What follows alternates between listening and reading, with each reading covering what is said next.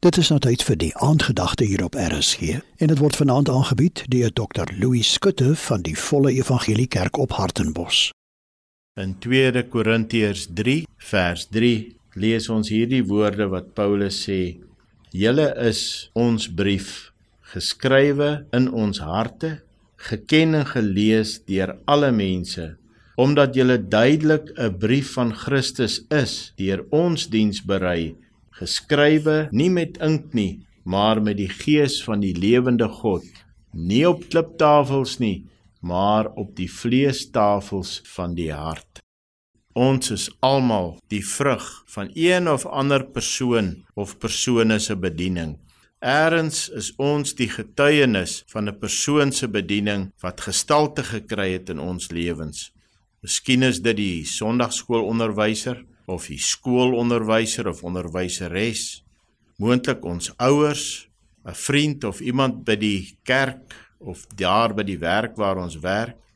Dis ons geestelike brief. Paulus en Timoteus se geestelike briewe is die gemeentelede in Korinte. Hulle geestelike vooruitgang is as gevolg van die geestelike insette wat Paulus hulle gelewer het. Hulle is nie meer vreemdelinge nie. Almal ken hulle en hoef hulle nie met bekendstellingsbriewe daaraan te kom en te sê wie hulle is nie. En nog minder hoef hulle van hulle getuigskrifte te kry oor die inhoud van hulle gehalte van hulle bediening nie. Hulle dra hulle in hulle harte. Hulle is lief vir hulle. Die apostels was geëer en gerespekteer by die gemeentes in so 'n mate dat party gesê het dat die een van Paulus is en die ander een van Apollos is. Nou die voorgangers was baie belangrik en geweldige invloed gehad in die gemeentes. Hierdie gemeente mense is in die gemeenskap geken.